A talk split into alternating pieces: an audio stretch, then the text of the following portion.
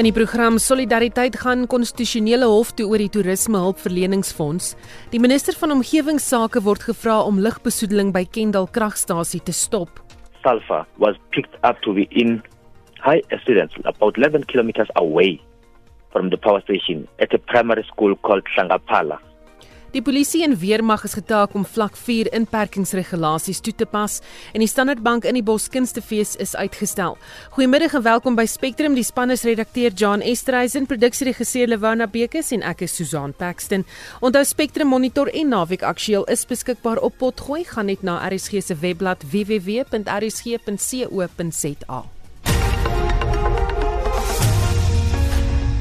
So 7 minute oor 1 welkom terug by Spectrum. Die land betree van vandag af vlak 4 van inperking in die stryd teen COVID-19. Die vlak laat effe meer mense toe om te gaan werk, maar daar geld steeds streng maatreëls wat inkopies en rondbeweeg betref. Daar geld ook 'n aandklokreël in die polisie en die Suid-Afrikaanse nasionale weermag sal 'n groot rol speel daarin om die publiek veilig te hou in hierdie tydperk. En ons praat nou met brigadier-generaal Renier Kutse, die offisier verantwoordelik vir die Gauteng provinsie. Goeiemiddag generaal. Goeiemôre Susan en luisteraars. Hoop dit gaan goed met julle. Met ons gaan dit goed uh, met my en gesond sover nog. Ons moet seker almal duim vashou vir dit. Um maar wat presies is die mandaat van die weermag in hierdie tydperk veral wat betref vlak 4? Goed. Ek uh, aanvanklik was die was die weermag nie betrokke behalwe by die mediese ontruiming van ons mense uit China nie want dit was nie gesien as 'n pandemie op daardie stadium nie. Maar toe die regering besef dat hierdie pandemie die hele wêreld gaan bereik het, ons 'n uh, wat ons nou in Engels van noem 'n all of government approach geneem. Die hele regering raak betrokke in die departement wat verantwoordelik is vir die spesifieke krisis is die leidende departement.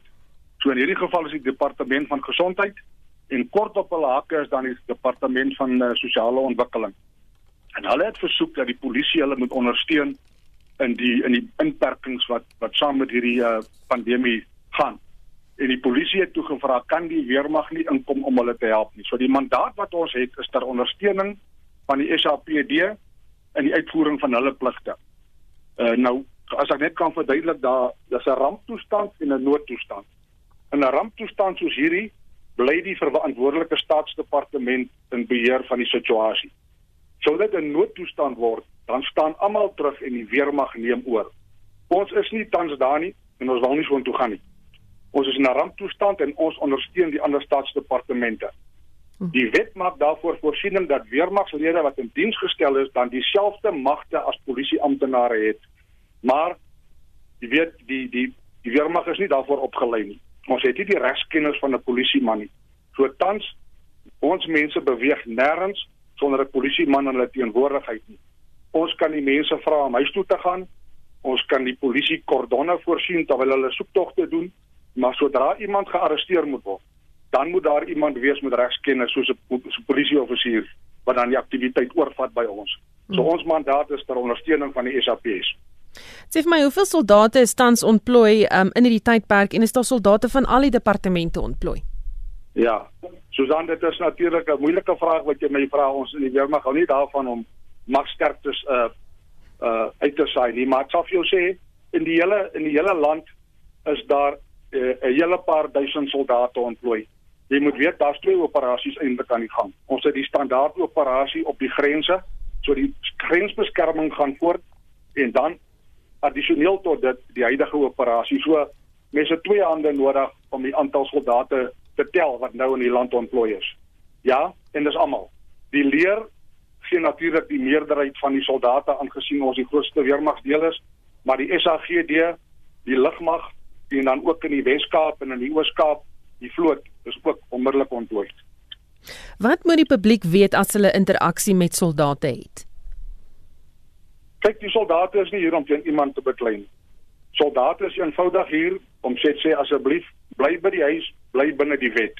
So ek het nou eendag vir iemand gesê, as jy by 'n padblokkade inkom en jy's jy nou klaar kwaad en jy draai die venster af en jy gee vir die polisieman of die arme weermagtroepie wat jou vra vir jou papiere moeilikheid, dan gaan jy moeilikheid terugkry. Maar oor die algemeen moet die publiek net kalm bly. Ek weet dis vir almal uh, ongemaklik. Ons is self weg van ons huise af vir baie weke al. Almal wil huis toe gaan, almal is vies vir die vir die inperking, maar wees asseblief net kalm. Veral hierdie naweek. Jy besef nou dat die die minister het toegelaat dat mense kan oor provinsiale grense beweeg eenmalig die volgende 7 dae sonder papierwerk. So jy hoef nie te bewys hoekom jy beweeg van van die Vrystaat af Gauteng toe. Maar die mense moet daarvan bewus wees.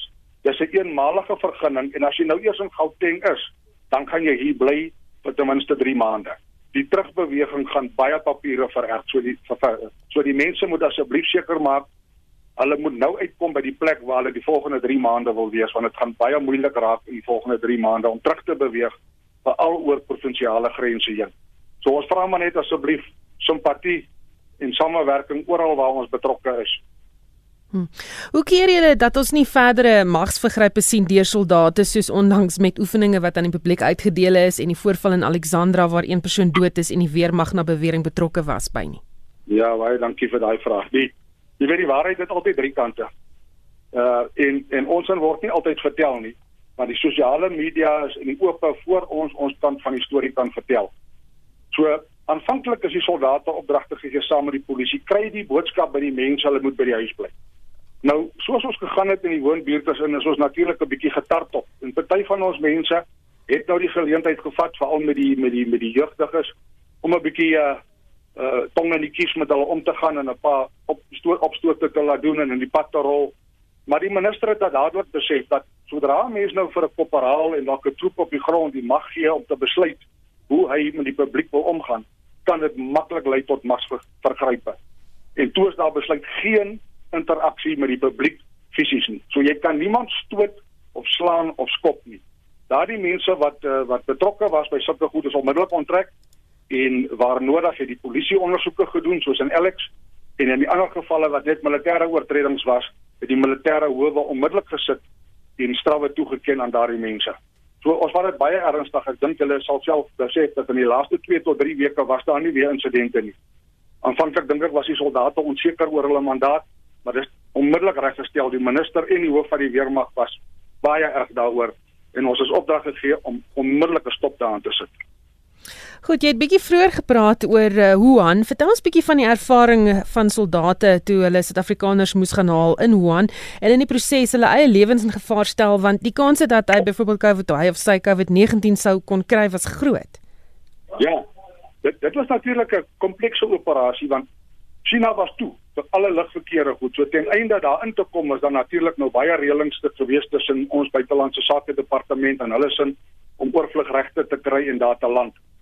Die mense was ook versprei oor oor daardie provinsie en 'n klompie tyd moes toegelaat word om hulle om hulle bymekaar te kry en dan te gaan haal. So ons mediese personeel onder leiding van die die kolonel is toe eers hierdie kant voorberei om wat om te verwag.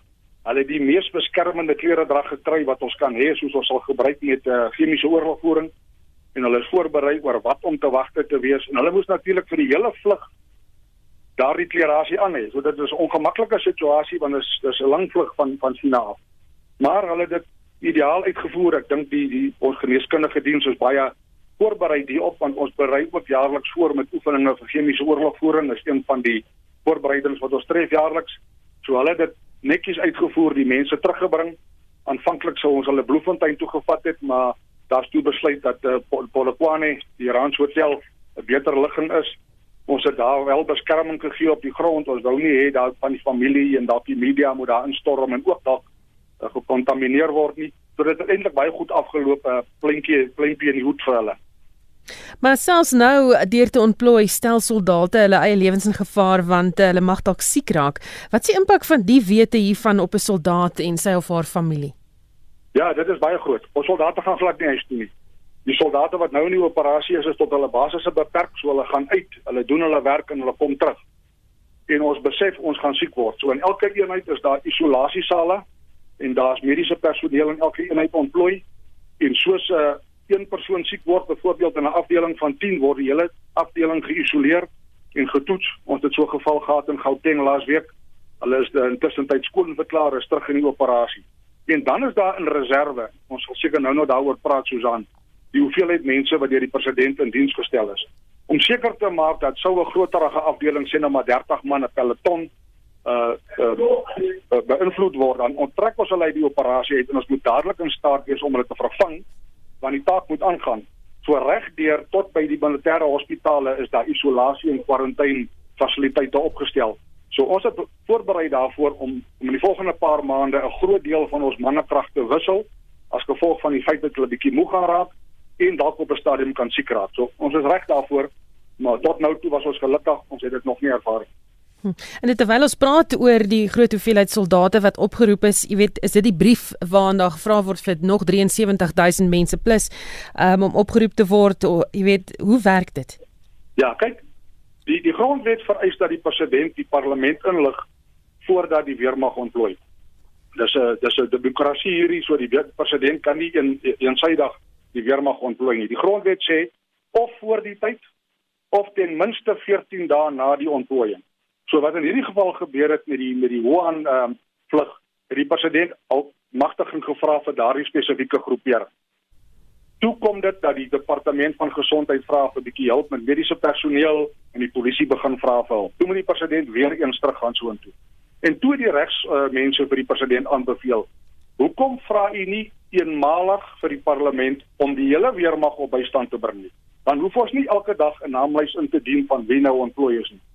Want die grondwet, uh, die sogenaamde parliamentary papers, versoek dat die weermag moet verklaar hoeveel mense vir hoe lank en wat gaan die koste wees. Dis op grond daarvan dat die parlement dan magtiging gee. En so die die weermag is, is in effek in diens gestel vir die periode van die operasie en die volle weermag mag ontplooi word. Wat beteken vandag kan die president my ontplooi, môre kan hy nog twee dokters gee om in 'n hospitaal te werk en dan môre 'n vlieënier en hy hoef nie elke slag terug te gaan na die parlement toe nie. So is eintlik 'n administratiewe reëling. Daar's glad geen poging van ons om 78000 mense eensklaps op die grond neer te sit nie. Baie dankie. Dit was Brigadier-generaal Renier Kutse, die offisier verantwoordelik vir die Gauteng provinsie van die Suid-Afrikaanse Nasionale Weermag wat bietjie meer duidelikheid gegee het oor presies hoe sake werk. Die Young Nurses Indaba Trade Union wat meer as 15000 verpleegkundiges by die openbare en private gesondheidsfasiliteite verteenwoordig, staak vandag. Die vakbond sê die president, se president eerder Lerato Maduma Govo sê die president of president Cyril Ramaphosa en sy regering het nie aan hulle eise voldoen nie. We are progressing with the stay away that is planned by the nursing community to stay at home and to stay safe until such time that the president deems it fit to actually go back and look at our demands and try and meet them. Maduma Gova sê daar sal nie betoging plaasvind nie. The only thing that we're having is a media briefing today at Krisani Paragwanath uh, main gate uh, over and above there there is no there's no other demonstration. Die vakbond se 12 eise is deur die president ontvang alhoewel daar volgens Maduma Gova geen waardevolle terugvoering is nie. However, we are aware that the president did show up in Gauteng when he was doing a walkabout and left a message with the Embassy of Health in Gauteng uh, to say that he is considering our demands. Um, however, that we feel that is still not sufficient because it's not committing to either the material resources that we asked for, the testing of nurses, transportation, accommodation, as well as appropriate PPE, not the current PPE that we are using that gets to be torn. And over and above that, there were other demands of compensation, which included the risk allowance as well as paying the workers the amount that was due for them in the 1st of April that was long signed, in fact, three years ago, in terms of the collective agreement. Dit was Lerato Madumo Gova, die president van die Young Nurses Indaba Trade Union. Ek is Vincent Mofokeng vir SAI Garnis. Die vakbond Solidariteit gaan die konstitusionele hof vra om op 'n dringende basis te beslis of die toekenning van finansiële hulp op grond van ras grondwetlik is. Dit volg na hulle hofstryd teen die departement van toerisme verloor het oor die toekenning van COVID-19 hulpverlening aan klein sake ondernemings. Die hof het in sy uitspraak gesê Solidariteit en Afriforum het nie die hof oortuig dat die besluit hersien moet word nie. En ons praat nou met die bestuurshoof van Solidariteit, Dirk Herman. Goeiemôre Dirk. Goeiemôre. Wat is julle reaksie op die uitspraak?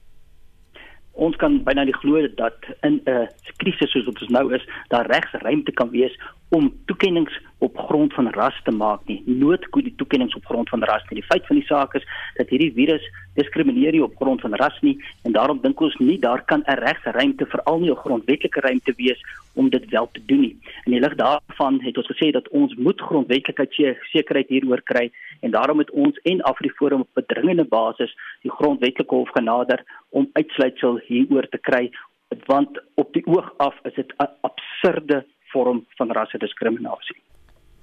Waar waar dink jy um, het julle argumente platgeval? Die regter het drie spesifieke punte uitgelig. Die eerste belangrike punt wat hy uitgelig het, is dat hy het gemeen dit is nie 'n administratiewe besluit nie, dis 'n beleidsbesluit, dis 'n bietjie 'n tegniese argument gewees en daarom het hy gesê is die hof onwillig om in te meng. Maar dit is nie net 'n tegniese uitspraak gewees nie. Hy het ook 'n substantiëre uitspraak gegee en daardie substantiëre uitspraak het gegaan oor transformasie. Hy het onder andere gesê dat dit sal 'n slag wees vir transformasie as swart ondernemings ondergaan. So hy het gegaan en 'n transformasiebril opgesit en ons sê nee, indien nie dit in die situasie wat ons nou is, is almal gelyk in jy kan nie 'n transformasiebril insit in 'n spesifieke toestand, 'n krisis toestand soos nou nie. En die derde punt was gewees dat ras is een kriteria en nie al die kriteria nie. Ek dink dit is die drie hoofargumente wat hy gevoer het, maar die feit is dat ons sê wat hy nie in ag geneem het nie is hierdie absolute unieke situasie waarin ons op hierdie stadium is en dat ras op geen manier gebruik kan word as 'n kriterium vir ehm um, die toekenning van hulp in 'n situasie soos hierdie nie veral ook in die lig dat werknemers word ongelooflik hard getref hierdeur en jy kan nie argumenteer bloot omdat jou werkgewer wit is nou word jy ook swaarder getref nie dit is 'n dubbele diskriminasie teen die werkgewer self maar ook teen die werknemers So wat gaan julle nou doen Wel sonder twyfel gaan ons ehm um, konstitusionele hof toe. Ehm um, ons soek uitspraak om te kyk of daar grondwetlike ruimte is hiervoor. Indien hier in Suid-Afrika grondwetlike regverdiging is, dan twyfel ons of mens werklik kan praat van 'n regstaat. Dan is dit 'n rasstaat. Want daar's nie 'n manier hoe daar 'n regverdiging daarvoor kan wees nie. En indien daar 'n regverdiging is volgens die grondwetlike hof, gaan ons sonder twyfel na die volgende stap toe gaan en dit is by die Verenigde Nasies se komitee vir die uitwissing van alle forme van rassediskriminasie. Dit is 'n komitee waar ons ook al voorheen um, by was en ook sukses behaal het. Baie dankie, dit was Dirk Herman, die bestuurshoof van Solidariteit. Die lugbesoedeling afkomstig van die Kendal kragstasie in Mpumalanga veroorsaak jaarliks tussen 67 en 144 sterftes. Dit is om die rede dat omgewingsgroepe die minister van omgewingsake, bosbou en visserye, Barbara Krisi, vra om dringend die lugbesoedeling daar stop te sit.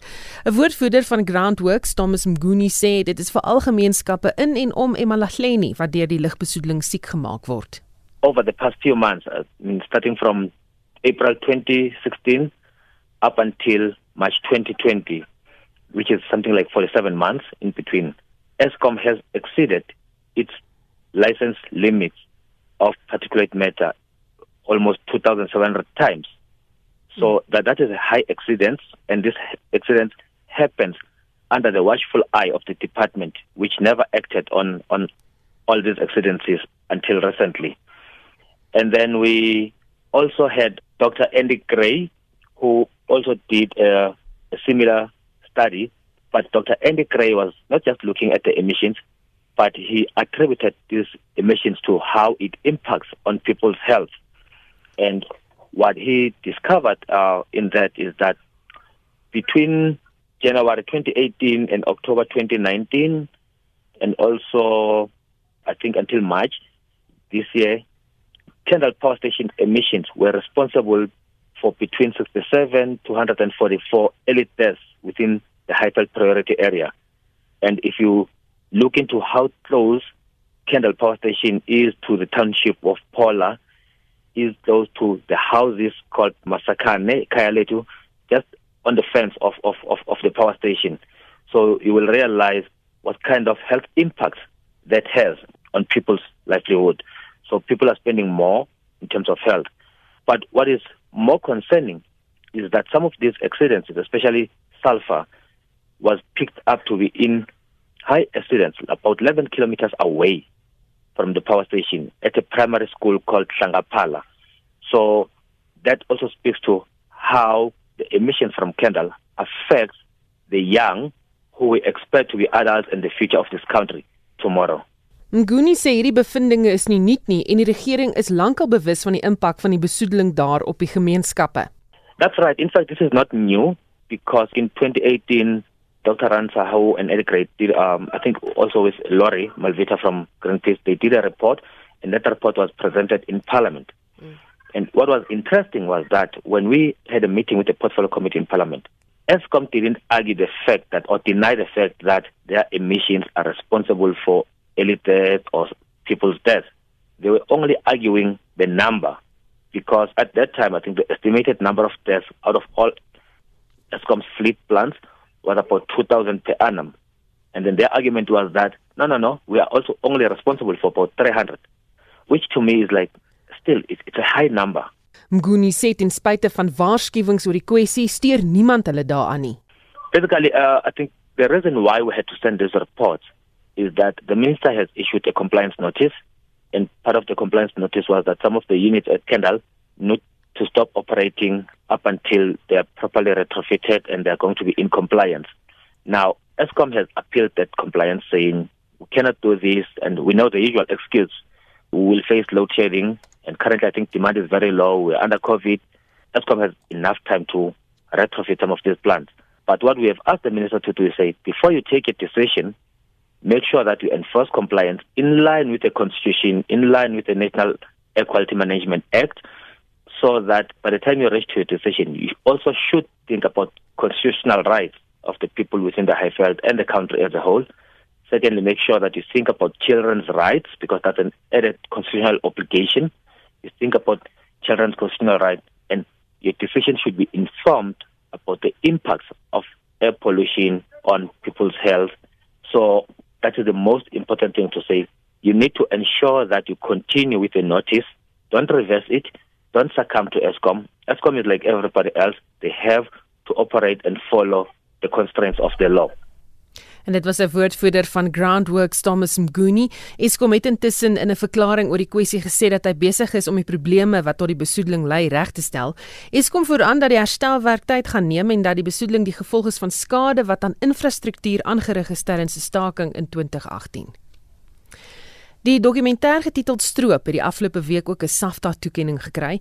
Die dokumentêr fokus op renosterstropery en het reeds talle toekenninge ontvang. Een van die vervaardigers en aanbieders van stroop, Bonnie de Bot, sê die dokumentêr is veral nou in die stryd teen COVID-19 relevant.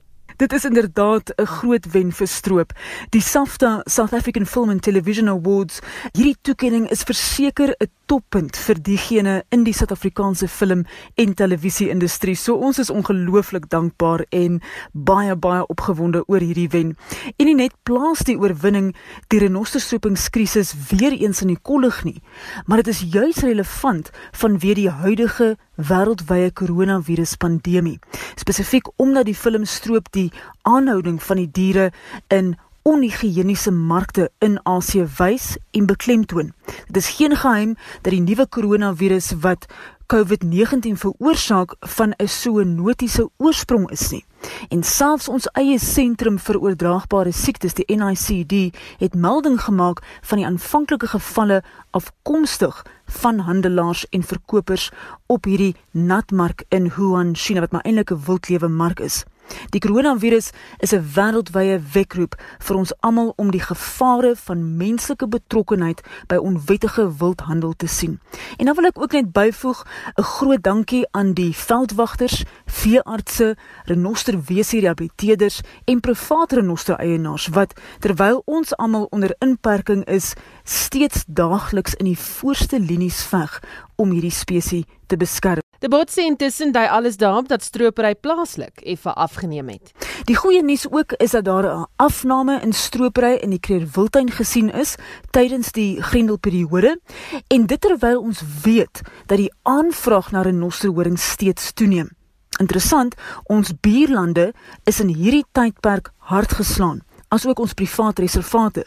So die wildtuin geniet baie sukses op die oomblik en ons moet na die moontlike redes in diepte kyk. Die wildlewe beskermingseenhede in die park word as 'n noodsaaklike diens bestempel en is aktief. Maar wie word nie nou toegelaat in die park nie? Toeriste. So stel jou voor, die veldwagters patrolleer die area vir stroopers op voet en terselfdertyd moet hulle die voertuie monitor wat die park binnekom. En ek het nou al eerstens gesien hoe stropingsbendes hierdie manier met 'n voertuig gebruik om die om die park binne te dring vir heel waarskynlik die mees effektiewe manier van stroping. So daardie modus operandi is nie nou vir hulle beskikbaar nie. Wonderlike nuus vir ons renosters. En dit was een van die vervaardigers en aanbieders van stroop Bonaidebot. Jy luister na Spectrum elke weekmiddag tussen 1 en 2.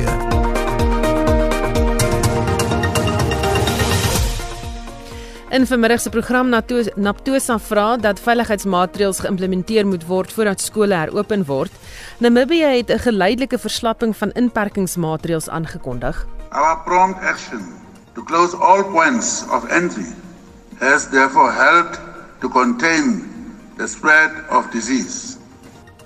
En die grootste besprekingspunte op sosiale media is Werkersdag en vlak 4 inperkingsregulasies. Volgens op Twitter by Mondspek1 en op facebook.com vorentoe skynstreep ZARSG.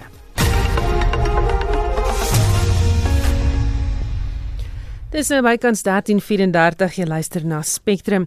Die Standard Bank in die Boskunstefees wat in Bombela gehou sou word is uitgestel. Die beoogde datum is in Desember nou. Ons praat nou met die media en bemarkingsbestuurder Sandra Jacobs. Goeiemôre Sandra. Hallo Susan. Hoekom die besluit om uit te stel? Dit het eintlik die afgelope maand vir ons duidelik geword dat dit onmoontlik sou wees om die fees in sy normale tyd vir aan te bied. Ons betwyfel dit baie sterk of die verbod op openbare geleenthede teen daai tyd opgehef sal wees en weet as ons langer wag, laat dit ons net in ten min tyd om die fees ordentlik te reël of te kanselleer. Ons het dus nou maar vergaderings gehou en met mekaar beraadslaag, met die borgers gepraat en toe besluit dat die verantwoordelike besluit is om dit uit te stel. Julle beplan in Desember. Ehm um, wat is die rede daarvoor? Dit is die eerste vakansie wat ons eintlik beskikbaar het. Die September vakansie is noemenswaardig verkort volgens die huidige skoolkwartaale en dis natuurlik ook die tyd geleef waarin aardklop plaasvind. So dit was nie vir ons beskikbaar nie want daar's 'n redelike oorvleeling van kunstenaars wat optree en dit is hulle tradisionele tyd geleef. So uit die aard van die saak sou ons nie dit graag wou doen nie. En omdat ons hoof ehm um, feesterrein op 'n skoolterrein is, is ons gebonde tot vakansies. So ons het na alle alternatiewe gekyk. Daar is nie verdere lang naweke in die jaar nie. Dis het die Desember vakansie vir ons na die mees logiese besluit gelyk. En ek dink ook die mense gaan aan die einde van hierdie baie moeilike jaar baie lus wees om bietjie fees te hou. Watse tipe aanpassings sal julle moet maak as julle die fees dan nou skuif na Desember? Want uit die aard van die saak is daar ehm, 'n um, bietjie risiko vir reën meer as wat daar in Junie is.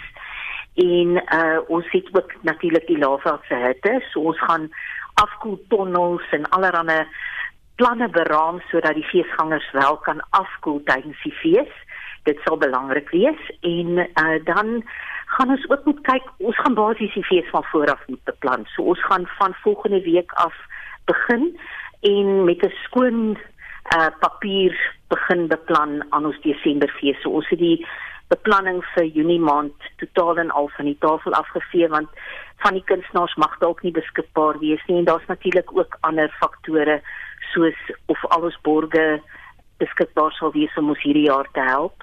So ons gaan 'n aangepaste feesprogram hê, maar ons het alreeds wonderlike planne om seker te maak dat dit 'n aanbieding sal wees wat niemand sal wil misloop nie. Hoe groot is die ekonomiese bydrae van die fees vir die omgewing? Dis gemiddeld tussen 85 en 100 miljoen elke jaar.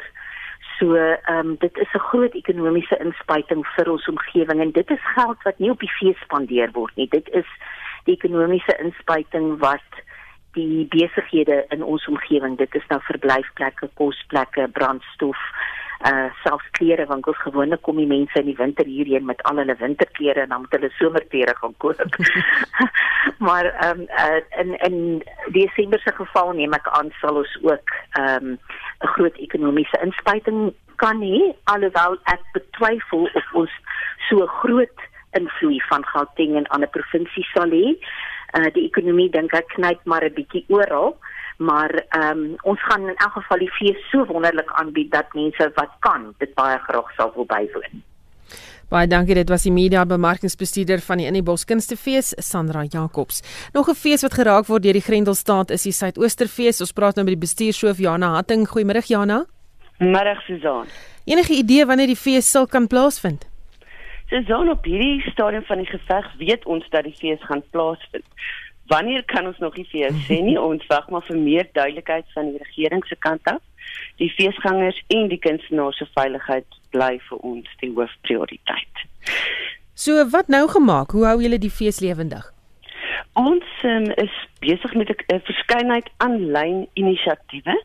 Ons fees sou ook dan as ons praat plaasgevind het. Ons het 'n opname gemaak met die met Larika Raug en Libertas koor wat hulle almal in in afsondering singend het ons dit bymekaar gesit. Die luisteraars kan enigtyd op ons Facebook bladsy gaan kyk na die weergawe van Hot Gates. Ons het gevoel dis baie van pas veral omdat ons besig is met met 'n wêreldwye vyand wat ons eintlik nie ken nie. Ons het vir David Kramer wat Kaap Creoles by ons sou doen of later nog steeds sal doen wat op Welcome to Cape Town 'n variasie geskryf het om mense aan te moedig om by die huis te bly en bietjie hoop te gee. Ons ontwikkelingsprojekte soos ons jongster, ons natie jongster projek wat ons saam met Jake Scherwel doen, is ons reeds besig om aanlyn mentorskap dinge uit te rol. Daar's ook aansoeke oop vir jong kunstenaars om nuwe tekste te skryf in hierdie tyd van inperking wat hulle nou meer tyd beskikbaar het. Ons liriek skryfontwikkelingsprojek het ook besig om aanlyn en um, vlam te vat en dan natuurlik het ons uh, allerlei prettige dinge op ons Facebook bladsy byvoorbeeld die Kuier Suidoosterseepie Swaai het ons nou reeds vir feesgangers die danspassies opgesit. So hulle kan nou oefen en seker maak hulle wen die groot pryse wanneer die fees plaasvind.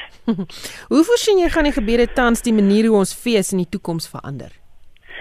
Dit is is 'n baie goeie vraag wat ek dink ons nog nie die antwoorde op het nie. Wat ons wel weet is dat kunstenaars kreatief en innoverend is en dat die kunste die die een plek is waar ons regtig buite die boks kan dink en met nuwe idees kom wat niemand nog van tevore ontgin het nie. Baie dankie. Dit was die bestuurshoof van die Suidoosterfees, Jana Hating. Namibië se president het by die staatshuis in Windhoek 'n geleidelike verslapping van die land se inperkingsmaatreëls aangekondig. Die fase 2 maatreëls sal van Dinsdag af van krag wees tot die 1 Junie, soos Frikkie Wallis uit die buurland berig. Namibiërs sal van Dinsdag af weer tussen dorpe en streke kan ry en 'n effense verligting van ekonomiese aktiwiteite aangekondig is, het Geingob voet by stuk gehou dat drankverkope steeds verbied word. Die grense bly ook toe. Namibiërs sal in openbaar mag uitgaan, maar gesigsmaskers en ander beskermende toerusting word nou verpligtend. Die noodtoestand bly tot minstens September van krag. Dit lyk asof skole en tersiêre instellings eers tydens die volgende fase van 5 Junie vir gewone klasse oopgestel sal kan word.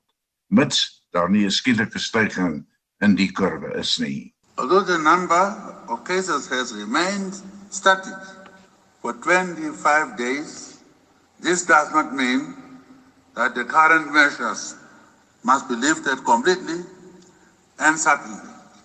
Today, The Cabinet met to review the status of COVID 19 in Namibia and deliberated on how to reopen the economy without reversing the gains made. The countrywide lockdown will lapse at midnight on Monday, the 4th of May 2020. There is merit to relax some of the restrictions. Namibië het sover 16 gevalle van die virus gehad met 8 wat herstel het. Geen sterfte is nog in die land aangemeld nie. I have indicated that the health of Namibians remains our greatest priority. Our prompt action to close all points of entry and issue comprehensive instructions on the movement of people has therefore helped to contain the spread of disease. While we recognize that these extraordinary measures have caused great disruptions to our daily lives. They were necessary and therefore effective. I therefore urge all Namibians to continue to comply with the regulations. Tydens fase 2 het Gaigop gesê, bly die volgende aktiwiteite hoë risiko en sal dit nie toegelaat word nie. Dit sluit teaters, konferensies, seminare, flieks, gimnasiums, dubbelplekke en sportbyeenkomste in. Ek is Frikkie Wallis in Namibië. Die onderwysersvakbond Naptosa vra dat die nodige veiligheidsmaatreëls in plek gestel moet word voordat skole heropen word. Die minister van basiese onderwys, Angie Motshega, het gister aangedui dat graad 7 en graad 12 leerders voorlopig op 1 Junie sal terugkeer skool toe. Ons praat nou met die uitvoerende hoof van die onderwysersvakbond Naptosa, Basil Manuel. Goeiemôre Basil. Goeiemôre. Wat is julle reaksie op die minister se plan vir die heropening van skole? Ehm um, ons ons sal dit nou nie heeltemal verwelkom nie. Ons sal dit seker so ehm um, laat ek dit so stel. Ons kyk daarna.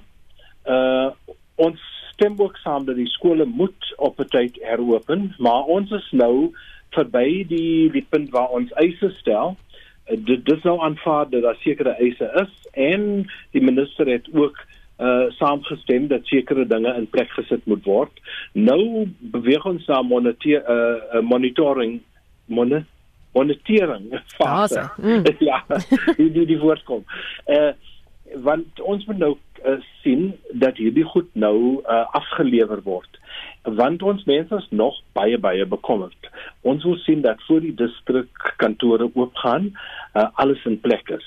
En sovoorts met die skole, uh voordat die die die uh die die hoofde en die uh administrasie daar aankom, dan moet ons weet dat daar 'n sekere datum gestel is vir die aflewering van al die uh monetier uh, die, die um PPE's wat ons nou voorgevra het dat hulle almal daar in plek is. En vir die onderwysers daar aankom, moet dit moet alles mos nou in plek wees. Want as dit nou nie gebeur nie, hoe dan gaan ons verder? Maar dis 'n groot taak want ons dink nou natuurlik aan skole wat klasse moet kry, skole waar water wat dan nie water is wat die water nie aangelê moet word nie, maar die water moet uh, die die die wat daar is moet reggemaak word wat in baie uh, instansies is goed net gebreek. Hmm. Of die water is nie afgelewer nie, denke nie. Maar daar is so baie goed wat gedoen moet word en nou moet ons nou sien dat dit gedoen word. Daar is baie vrae van die publiek, ehm um, weet onder andere wat van oorvol klaskamers en uh wat van uh, ek sien 'n luisteraar wat vra wat van kinders wat koshuise toe moet gaan, jy weet. Is die departement se plan vir matrieks en graad 7 leerders haalbaar? Ehm uh, ek wil ek wil dit so stel. Ons het nou ook vandag 'n uh, brief uh, uh, gerig aan die aan die minister om te vra vir 'n dringende vergadering sodat ons gesels kan gesels oor uh, die teenstrydige uh goed wat nou daar uitgestel is in die publiek. Aan die een kant praat die onderwys van uh skole heropen, aan die ander kant hoor ons dat uh hotelle en so voort kan nie uh uh gaste inneem nie. En en 'n koshuis is mos amper so so so so hotel. En daarom moet we wil ons weet nou wat is die verskil en is word dit toegelaat en daardie nie toegelaat en hoe gaan ons uh, deur hierdie hele klomp goed beweeg. Ehm um, ek dink ons sal gedeelte van die van die skooljaar red. Ek dink definitief dat die matriek matriek gaan skryf of ons kan doen wat wat ons almal hoop ons kan doen. Ehm um, is dit blykbaar nie behaalbaar nie. Maar ek wil daarom sê dat ons moet probeer want ons wil hê dat uh, kinders van graad 1 af daarom iets uit die jaar uit moet kry. Maar natuurlik het die minister nie die, die datum van terugkeer aangekondig. Sy het dit mos nou so aangekondig dat dit 'n uh, 'n uh, 'n datum is wat ons na sal kyk voordat ons daar uitkom. En ek wil sê dis nie 'n slegte ding nie, want baie baie baie kan gebeur in die maand. Ons weet nie of die situasie sal versleg of verbeter. En dan sal ons maar 'n uh, besluit moet neem nader aan die dag. Baie dankie dit was Basil Manuel die uitvoerende hoof van die onderwysersvakbond Naptosa. Ons bly by die storie. Die aankondiging deur die minister van basiese onderwys, Angie Motshega, het ook paniek veroorsaak by ouers in Port Elizabeth. Ouers van die Bethville Primêre Skool het die plan verwerp en sê die skole is nie gereed nie. Veronica Fourie doen verslag. Van die voorstelle behels dat daar nie meer as 40 leerders in 'n klas moet wees nie. Daar mag ook nie meer as 2 leerders by 'n bank sit nie en daar mag nie direkte kontak wees nie. Leerders en onderwysers moet ook heeltyd materiaalmaskers dra. 'n Lid van die skoolbeheerliggaam van die Bethville Primêre Skool in Port Elizabeth, Belinda Brown, sê dis alles onmoontlik in 'n skool soos hulle sin wat oorvol is. Well, right now, if you look at the ratio of the amount of children, we are over a thousand. We're approximately a thousand uh, uh, uh, to thirty teachers. That alone, with something like fifty students in a class. And if, for example, we do decide to open the school, and there is perhaps one pupil per desk, that means double the amount of desks in a short period of time. How are we going to get more desks? How are we going to equip the one teacher to teach these children? How are we going to work on time? If any of our teachers are at risk with regards to them uh, having underlying illnesses, then we're going to have a shortage of teachers as well. Die departement beplan 'n geleidelike infasering om verlore tyd in te haal, maar ouers is nie ingenome met hulle planne nie. My grootste vrees rondom die skool is die opgewondenheid van kinders Want ek kan nie verbeel as ek nou as die kerk moet oopmaak of ek kom by 'n geleentheid dan wil ons mekaar ons maar nou hug en ons kan nie altyd die distansie hou nie. Dit is al wat my hinder. Dis die eerste keer ter wêreld dat so iets gebeur. As ons kan saamwerk en saam bid oor die saak dan sal ek baie baie dankbaar wees. Ek het klein kinders wat die skool gaan. En ek voel ons moet nie oorhaastig is om die skole oop te maak nie. Want kyk jy ons praat van distansies.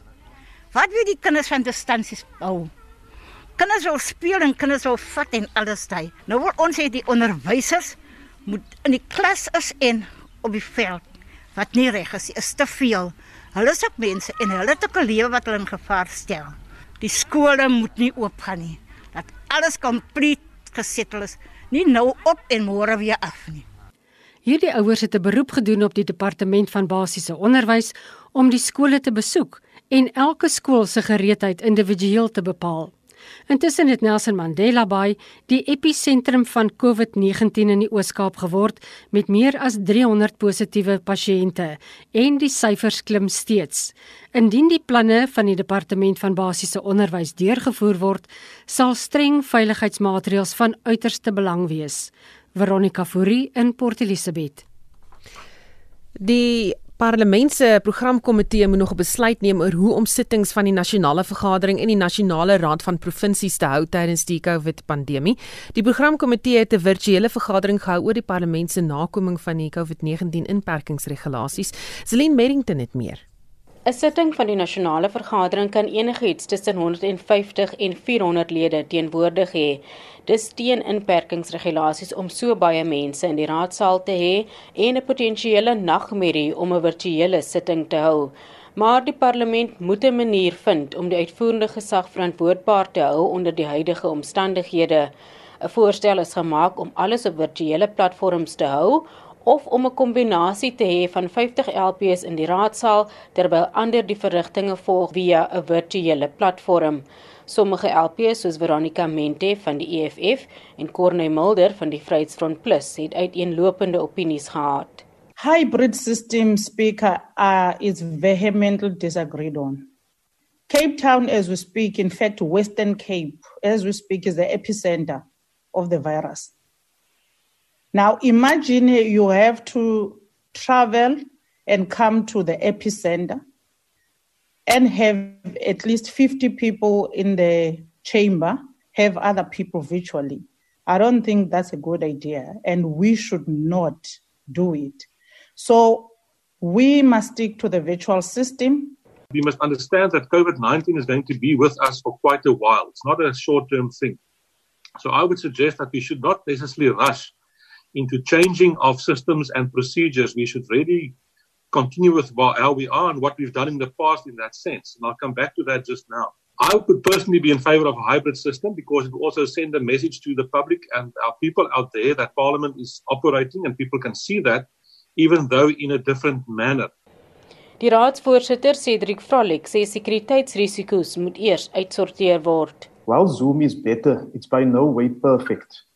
We realize that especially when you want to make secure connections and when you want to ensure that the system cannot be hacked like happened when the uh, Minister of Women uh, were dealing with stakeholders and all of a sudden there were pornography that was included there. Those security concerns will remain there.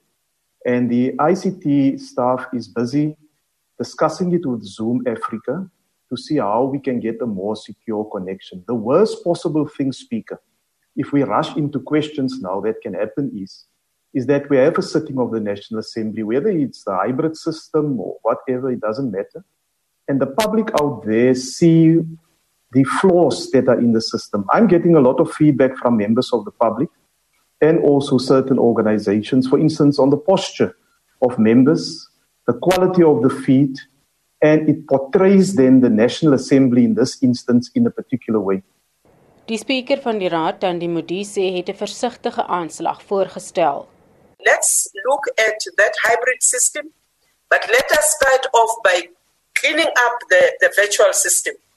Let us make sure that when we are in the virtual system, the quality is good. We can reach, everybody gets enough time, the system works, so that when you now mix the two systems, you actually have worked out on it. Let us deal with the issues of security which are risk.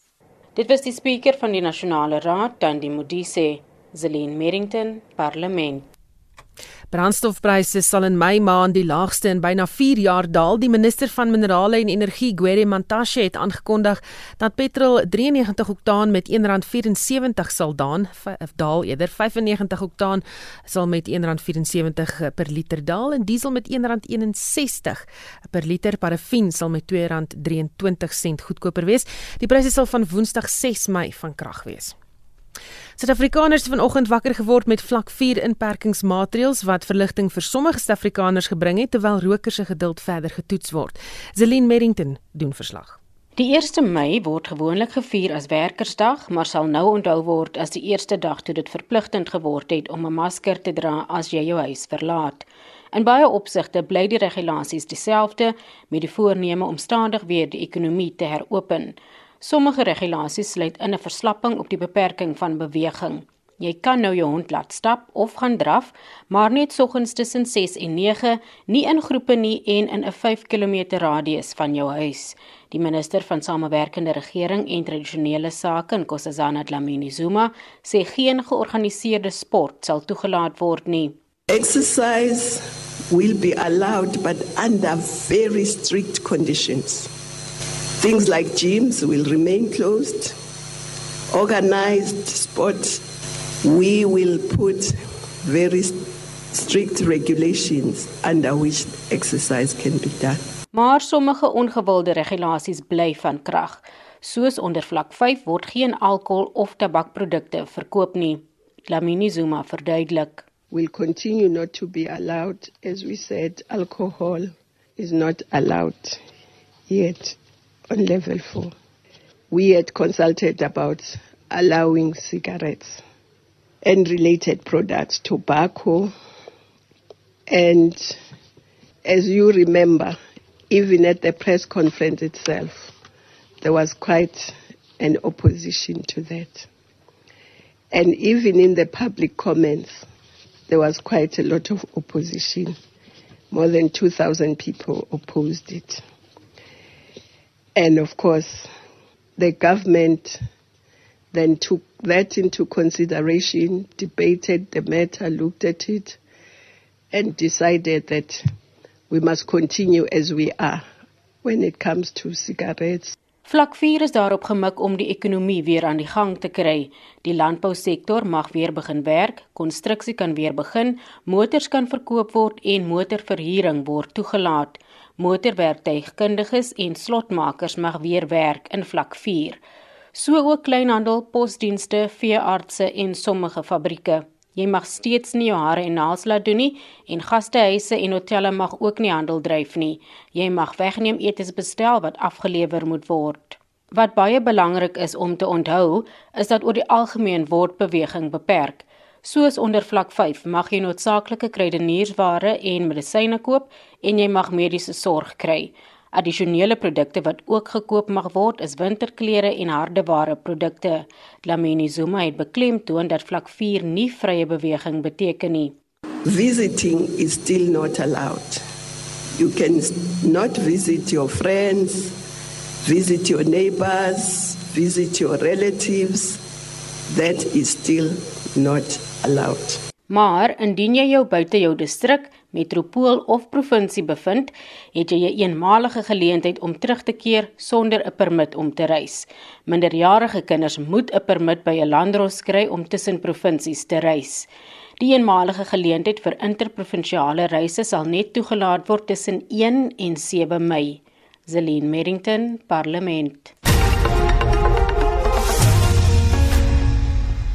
Net so vir ons groet mense wat uh, onder die vlak 5 grendelstaat vasgekeer is in 'n ander provinsie as waar hulle permanent woon en werk sal tot die 7de Mei kans gegee word om terug te keer huis toe.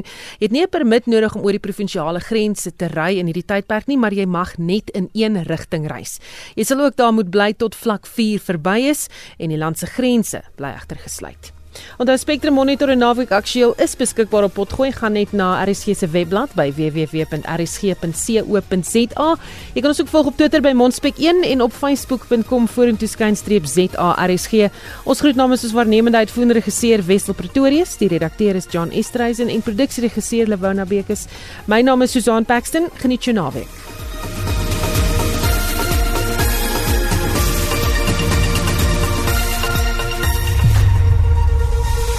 SAK nuus. Onafhanklik, onpartydig.